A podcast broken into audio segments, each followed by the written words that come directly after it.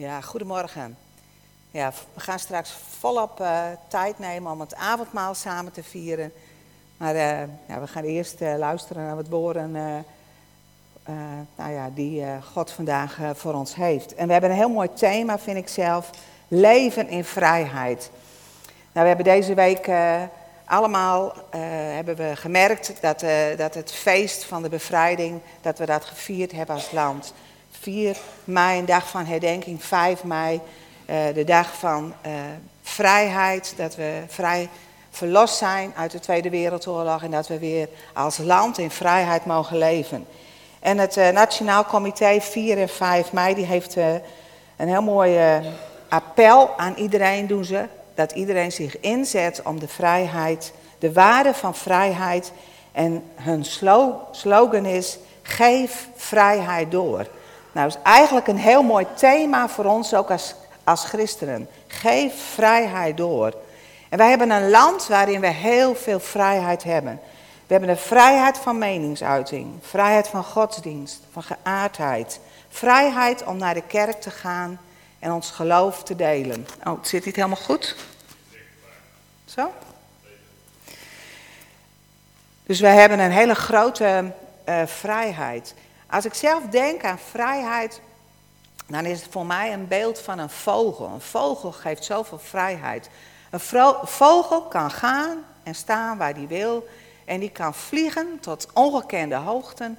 En uh, die hoeft niet zijn koffer in te pakken en van alles voor te bereiden als hij op stap wil gaan. Maar hij, ja, hij beweegt zich, hij gaat de lucht in en hij verdwijnt de hoogte in.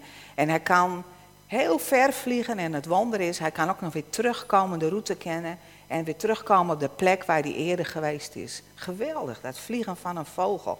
En dat heeft ons als mens uh, ja, een verlangen gegeven om ook te vliegen. Mensen hebben dat uh, geprobeerd, van alles gedaan, de lucht in gegaan, die weer naar beneden gestort. Maar uiteindelijk is het gelukt. En is het niet bijzonder dat je met zoveel mensen in een vliegtuig kan zitten, dat je daar in de lucht hangt en dat je zomaar naar een andere werelddeel kan gaan, andere culturen, andere landen. Wat een, vrijheid. Ook in, in letterlijke uh, mogelijkheden hebben wij. Grenzen die, die eigenlijk open gegaan zijn. Uh, als je denkt aan, aan vroeger een tijd geleden, dat mensen, ja, die hadden een heel klein stukje waarin zij leefden. En voor ons zijn zoveel mogelijkheden om te leven.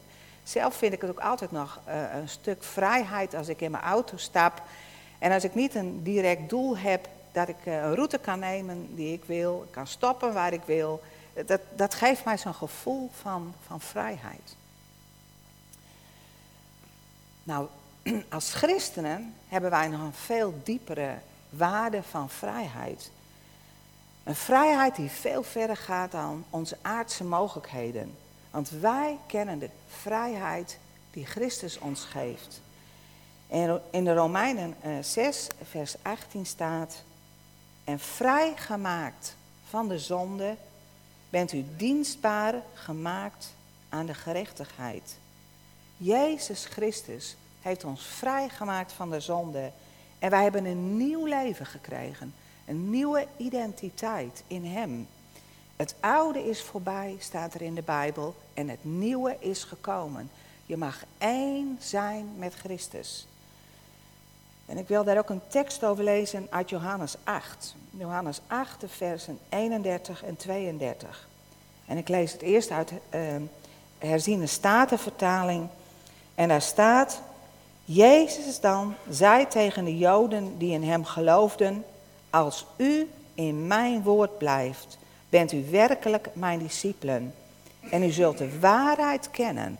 En de waarheid zal u vrijmaken. En ik wil het ook lezen uit de Bijbel in gewone taal. En daar staat, Jezus zei tegen de Joden die in hem geloofden, mijn boodschap moet in jullie hart zijn. Alleen dan zullen jullie echt mijn leerlingen. Alleen dan zijn jullie echt mijn leerlingen. Dan zullen jullie de waarheid kennen en daardoor zullen jullie bevrijd worden. Jezus heeft je echt vrijgemaakt. De waarheid Jezus is de weg, de waarheid en het leven. En door het kennen van Jezus, door de waarheid te kennen, ben je vrij geworden, ben je vrij gemaakt. Maar het zijn geen woorden die je alleen moet kennen, woorden die je gehoord hebt, maar het zijn woorden die je hart moeten raken. Dan vind ik het ook zo mooi hoe dat staat in de Bijbel in een gewone taal. Mijn boodschap moet in jullie hart zijn.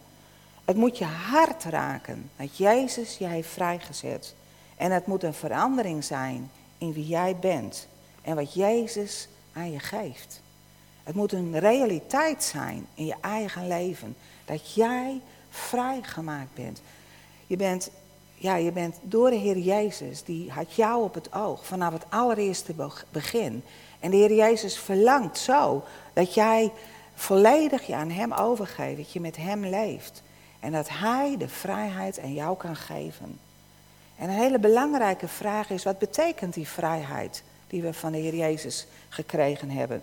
Wat betekent het in jouw leven? Nou, het begint met vrij zijn van zonden. Daarom is de Heer Jezus gekomen.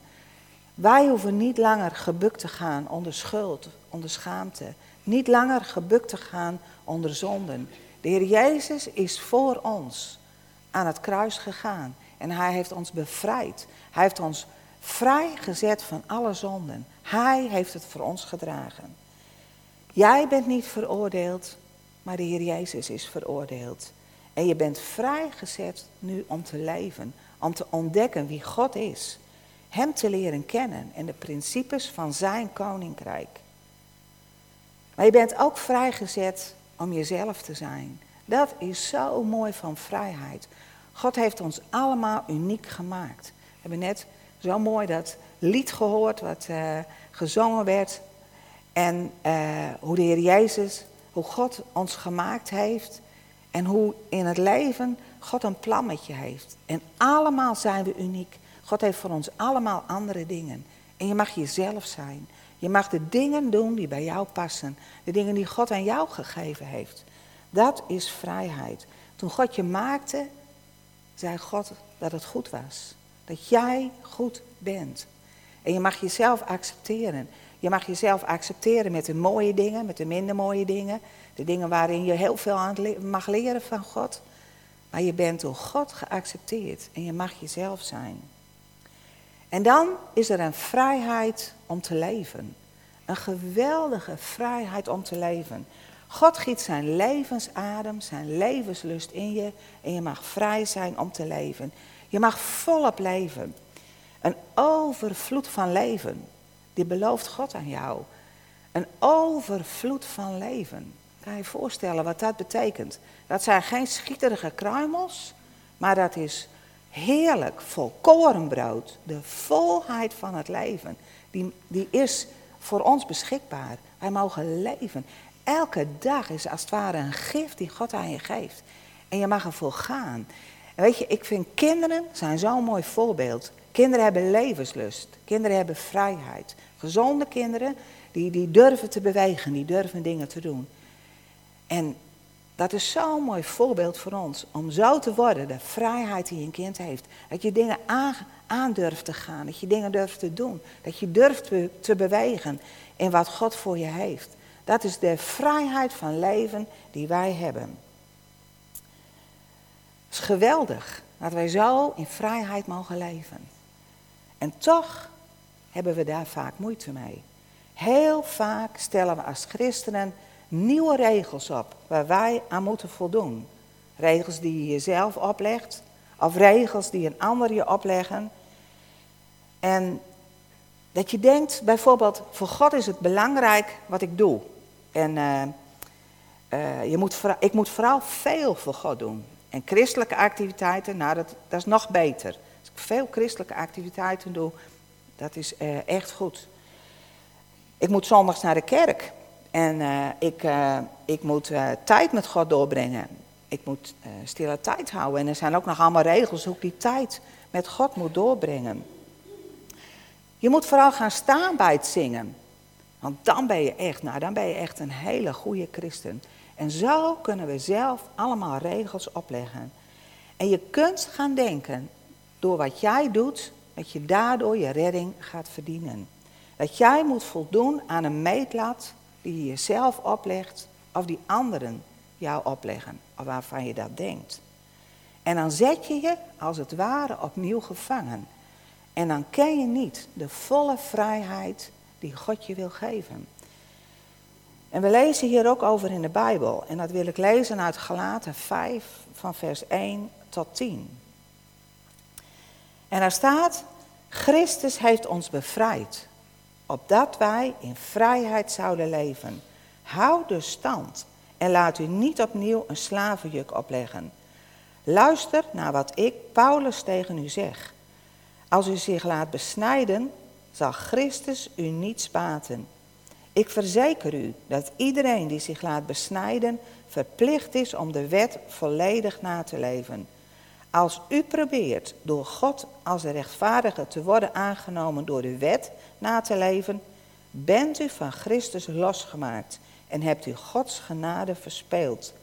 Want door de geest hopen en verwachten wij dat we op grond van geloof als rechtvaardigen worden aangenomen. In Christus Jezus is het volkomen onbelangrijk of men wel of niet besneden is. Belangrijk is dat men gelooft en de liefde kent die het geloof zijn kracht verleent. U was zo goed op weg. Wie heeft u verhinderd de waarheid te blijven volgen? Niet hij die u geroepen heeft. Bedenk goed, al een beetje deze maakt het hele deeg zuur. De Heer geeft mij de overtuiging dat u en ik het daar volledig over eens zijn. Maar degenen die u in verwarring brengen, zullen worden gestraft, wie ze ook zijn. Een heel krachtig appel doet Paulus hier op ons. Hij zegt, Christus heeft je bevrijd. Christus heeft je vrijgemaakt. Laat je niet opnieuw een slavenjuk opleggen. En hier gaat het, in dit stukje, wordt het besnijdenis genoemd. En Paulus is heel duidelijk.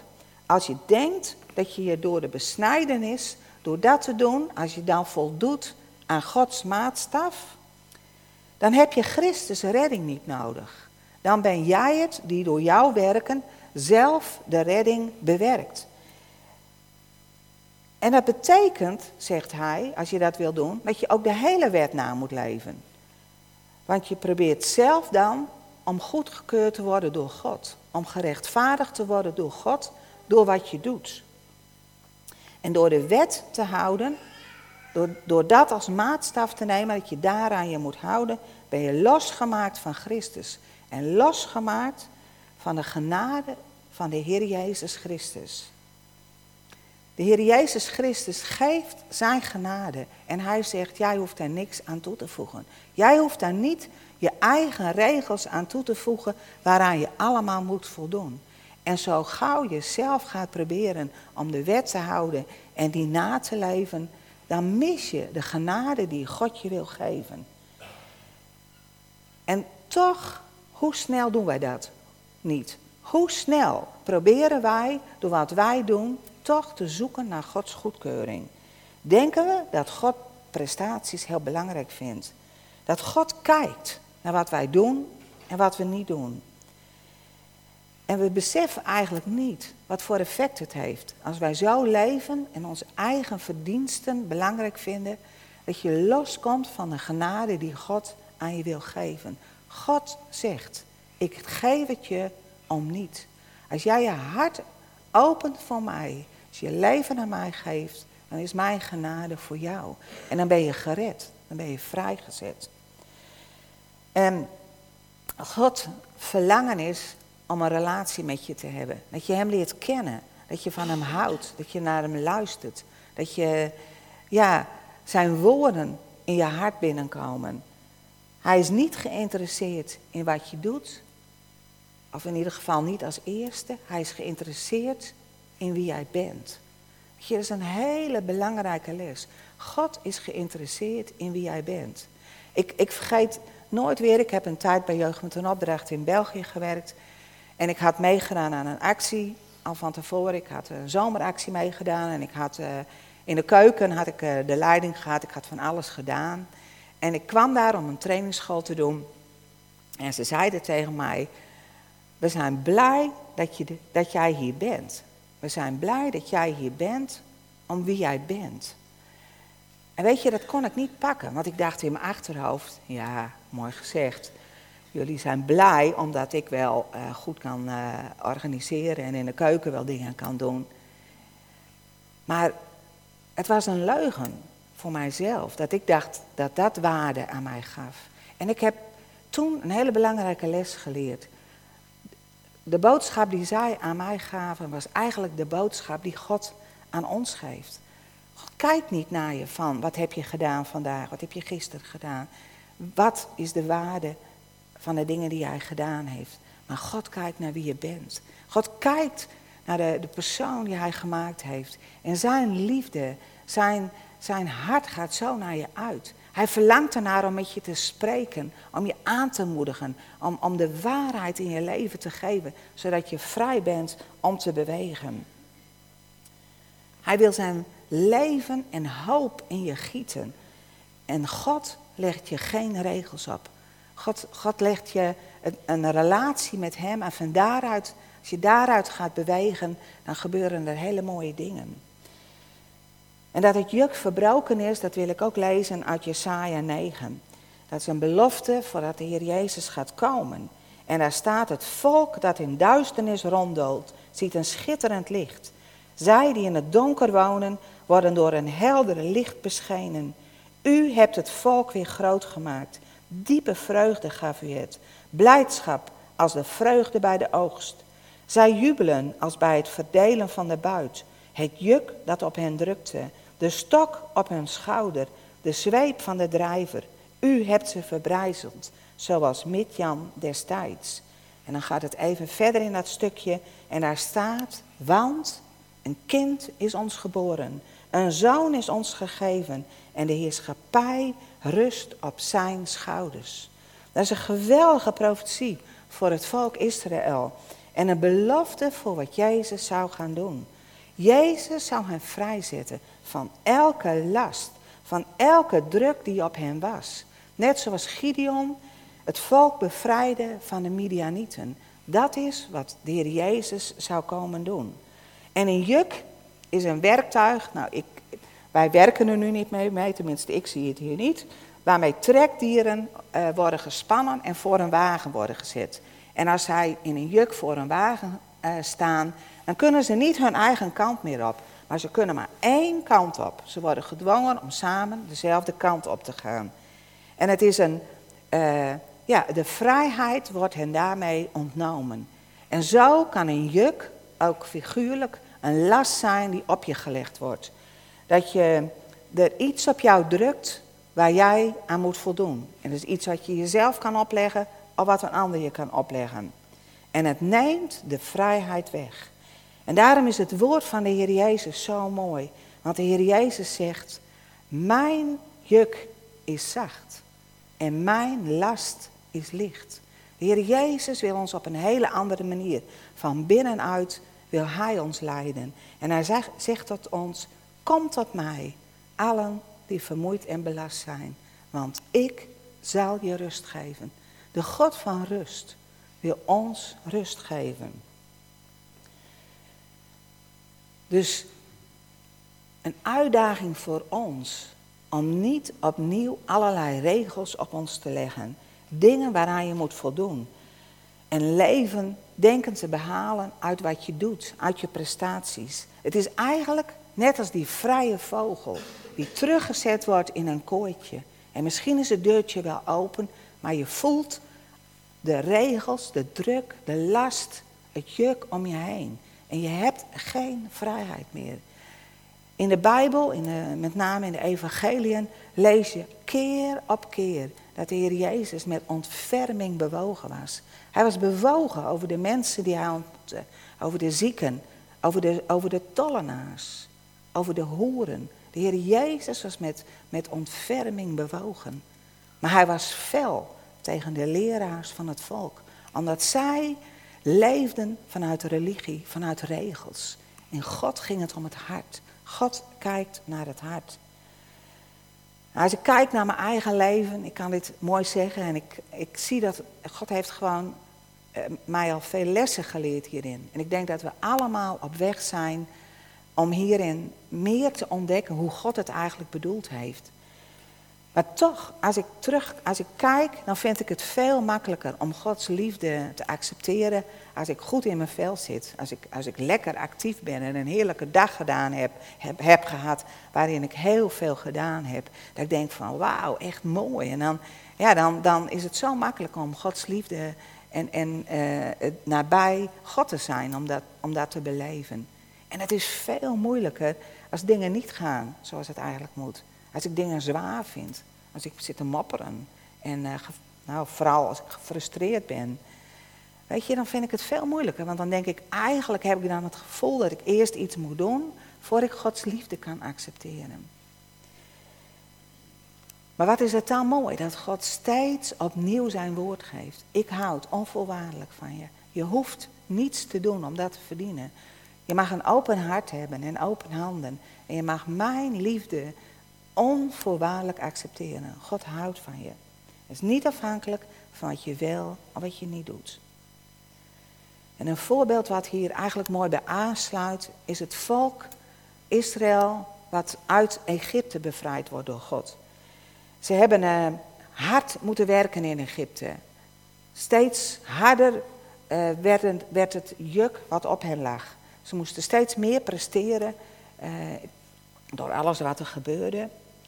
En dan bevrijdt God dat volk op een wonderlijke manier uit Egypte, uit de slavernij. Maar dan in de woestijn, dan gaat het niet zo als het volk gedacht had. En dan beginnen ze te mopperen. En dan willen ze terug naar de tijd in Egypte. En ik wil daarvan lezen uit Exodus 16, de eerste versen.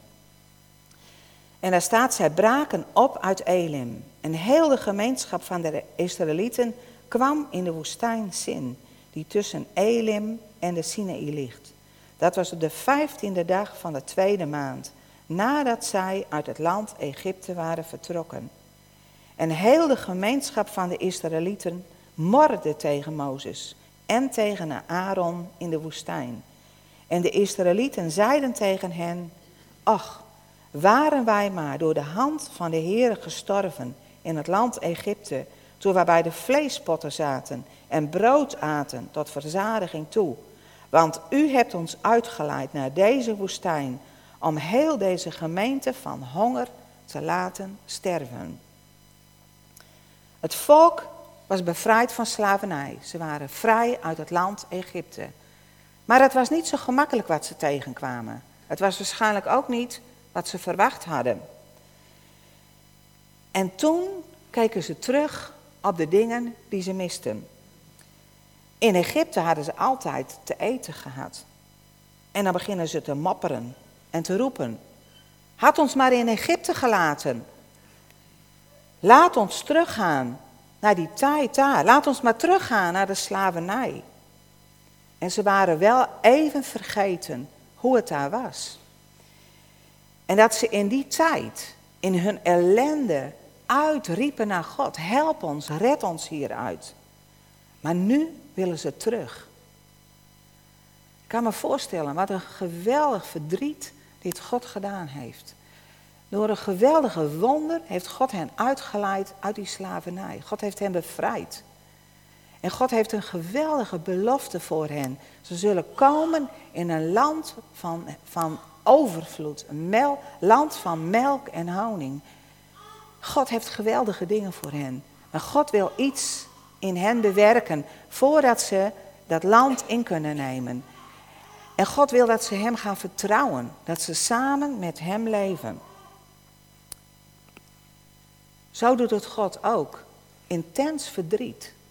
Als wij de vrijheid van God ontvangen en we gaan opnieuw allerlei regels opstellen. En we gaan eigenlijk terug naar hoe we leefden voordat we de vrijheid in de Heer Jezus kenden. God zegt vanmorgen opnieuw, ik wil je vrijheid geven. Ik wil je vrijheid geven om te leven. Het oude is voorbij. Gisteren is niet meer. Nu is vandaag. En morgen gaat komen. En God heeft geweldige dingen voor je. En God zegt, ga maar dat avontuur met mij aan. Ga maar en ontdek wat dat betekent. God wil de relatie met jou versterken. Hij wil dat je van Hem ontvangt. Dat je gaat kijken zoals God kijkt. Dat je gaat denken zoals God denkt. En dat er een verandering in jezelf komt. En dat dat doorwerkt in je leven.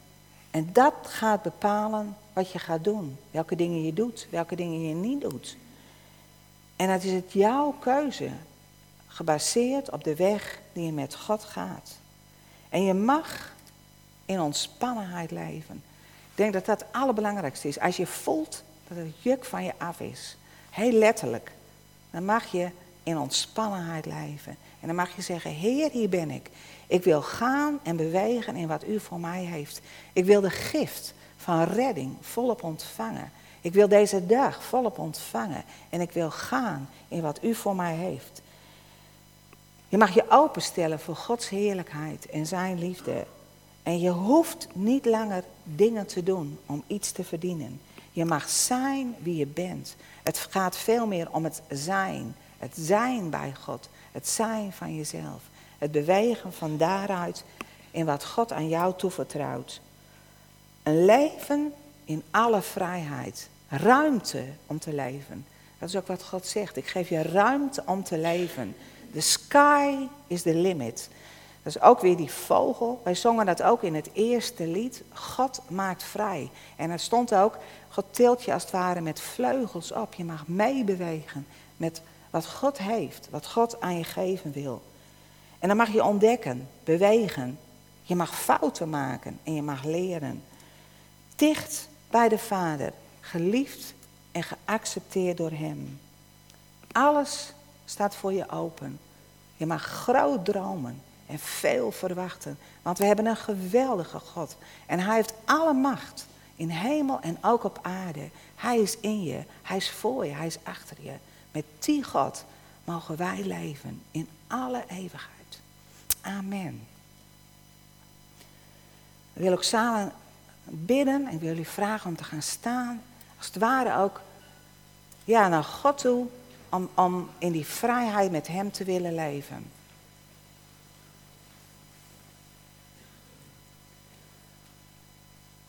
Dank u wel. Heer, dank u wel wie u bent. Vader, dank u wel dat u een God van, van leven bent. Een God van vrijheid. Dank u wel, Heer, dat de Heer Jezus gekomen is om alle schuld, alle last, alle zonde voor ons te dragen. Dat Hij ons heeft vrijgezet. Heer, dat wij vrij zijn. Heer, de gevangenen zijn vrijgezet door Heer Jezus. We hebben het vanmorgen ook gehoord. En die vrijheid die willen we ontvangen, Heer. Die willen we opnieuw of dieper ontvangen in ons hart. De vrijheid die u ons wil geven. En ik dank u wel dat uw hand op ons leven is. Dat u ons kent. Heer, dat u geen moment bij ons vandaan gaat. We zijn van u en we blijven bij u. En uw hart staat wijd open om ons te ontvangen.